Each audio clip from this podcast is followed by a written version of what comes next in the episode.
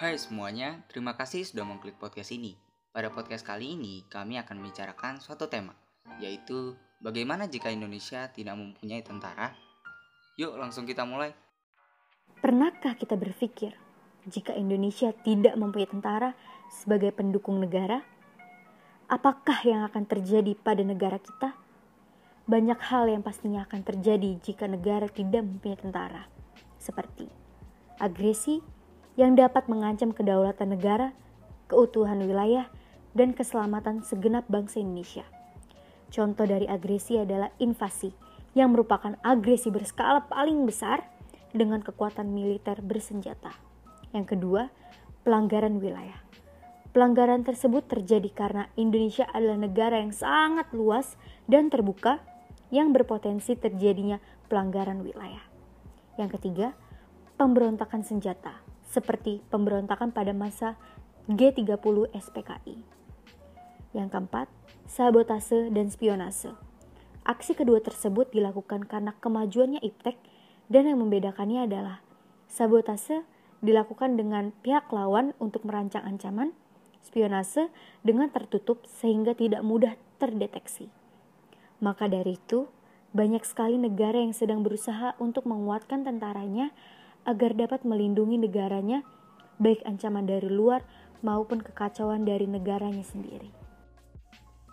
Nah, negara Indonesia memiliki spesialisasi TNI AD, TNI AU, dan TNI AL yang berfungsi sebagai pertahanan negara.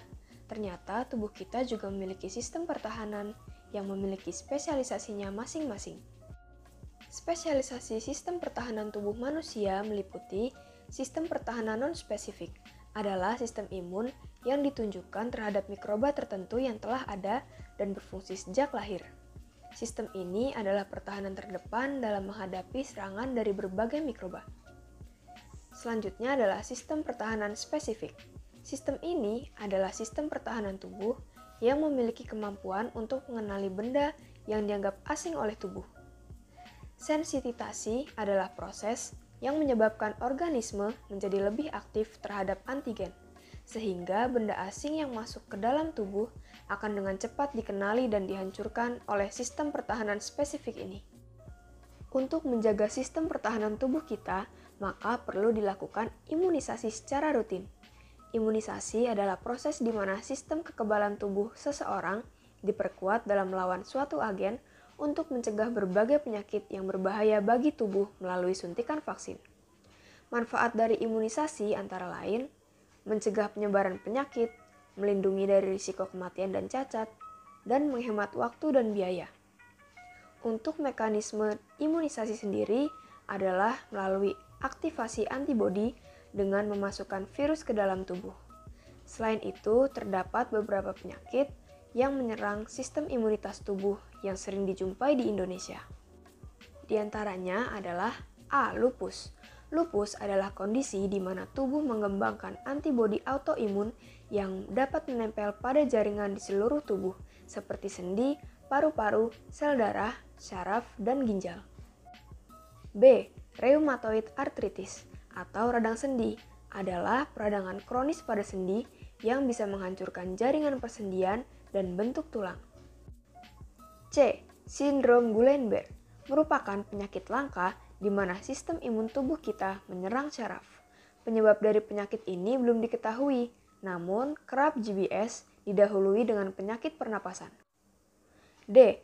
Vaskulitis. Vaskulitis adalah penyakit yang disebabkan oleh sistem kekebalan tubuh yang menyerang dan merusak pembuluh darah. E. Multiple sclerosis adalah gangguan progresif yang terkait dengan sistem kerja imun. Sistem yang seharusnya bertugas menjaga tubuh justru berbalik menyerang organ yang penting untuk kehidupan. Seperti yang dibicarakan tadi, ternyata sistem pertahanan sangatlah penting. Contohnya sistem pertahanan pada negara kita, Indonesia. Seperti yang dijelaskan oleh teman saya sebelumnya, ternyata tubuh manusia juga memiliki sistem pertahanan tubuh Nah, ternyata ada loh kemiripan dari kedua sistem pertahanan tadi, yaitu pada bagian radar. Kok bisa mirip ya? Jadi gini, tubuh manusia memiliki kelenjar yang namanya kelenjar timus, yang fungsinya untuk mendeteksi benda asing yang masuk ke dalam tubuh. Begitu juga dengan kapal TNI yang menjaga pertahanan dan keamanan. Di kapal itu ada radar yang gunanya untuk mendeteksi bila adanya penyusup yang mencoba masuk ke dalam suatu wilayah perairan. Berbicara mengenai radar, zona yang dapat dicakup oleh radar secara umumnya berbentuk lingkaran. Nah, dalam perhitungan dari radar, ada beberapa unsur yang terkait dengan lingkaran, yaitu jari-jari dan diameter. Setelah menyimak perbincangan tadi, jadi apa yang terjadi apabila Indonesia tidak punya tentara?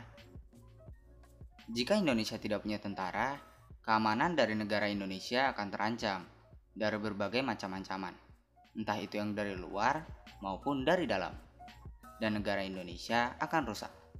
Sama halnya seperti tubuh kita. Jika tubuh yang tidak mempunyai sistem imunitas, maka akan mudah terserang penyakit.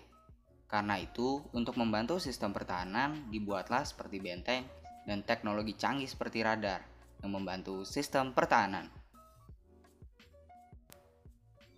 Nah, sekian pembahasan tema bagaimana jika Indonesia tidak mempunyai tentara dari kami kelompok 10. Dan seperti biasa, Terima kasih.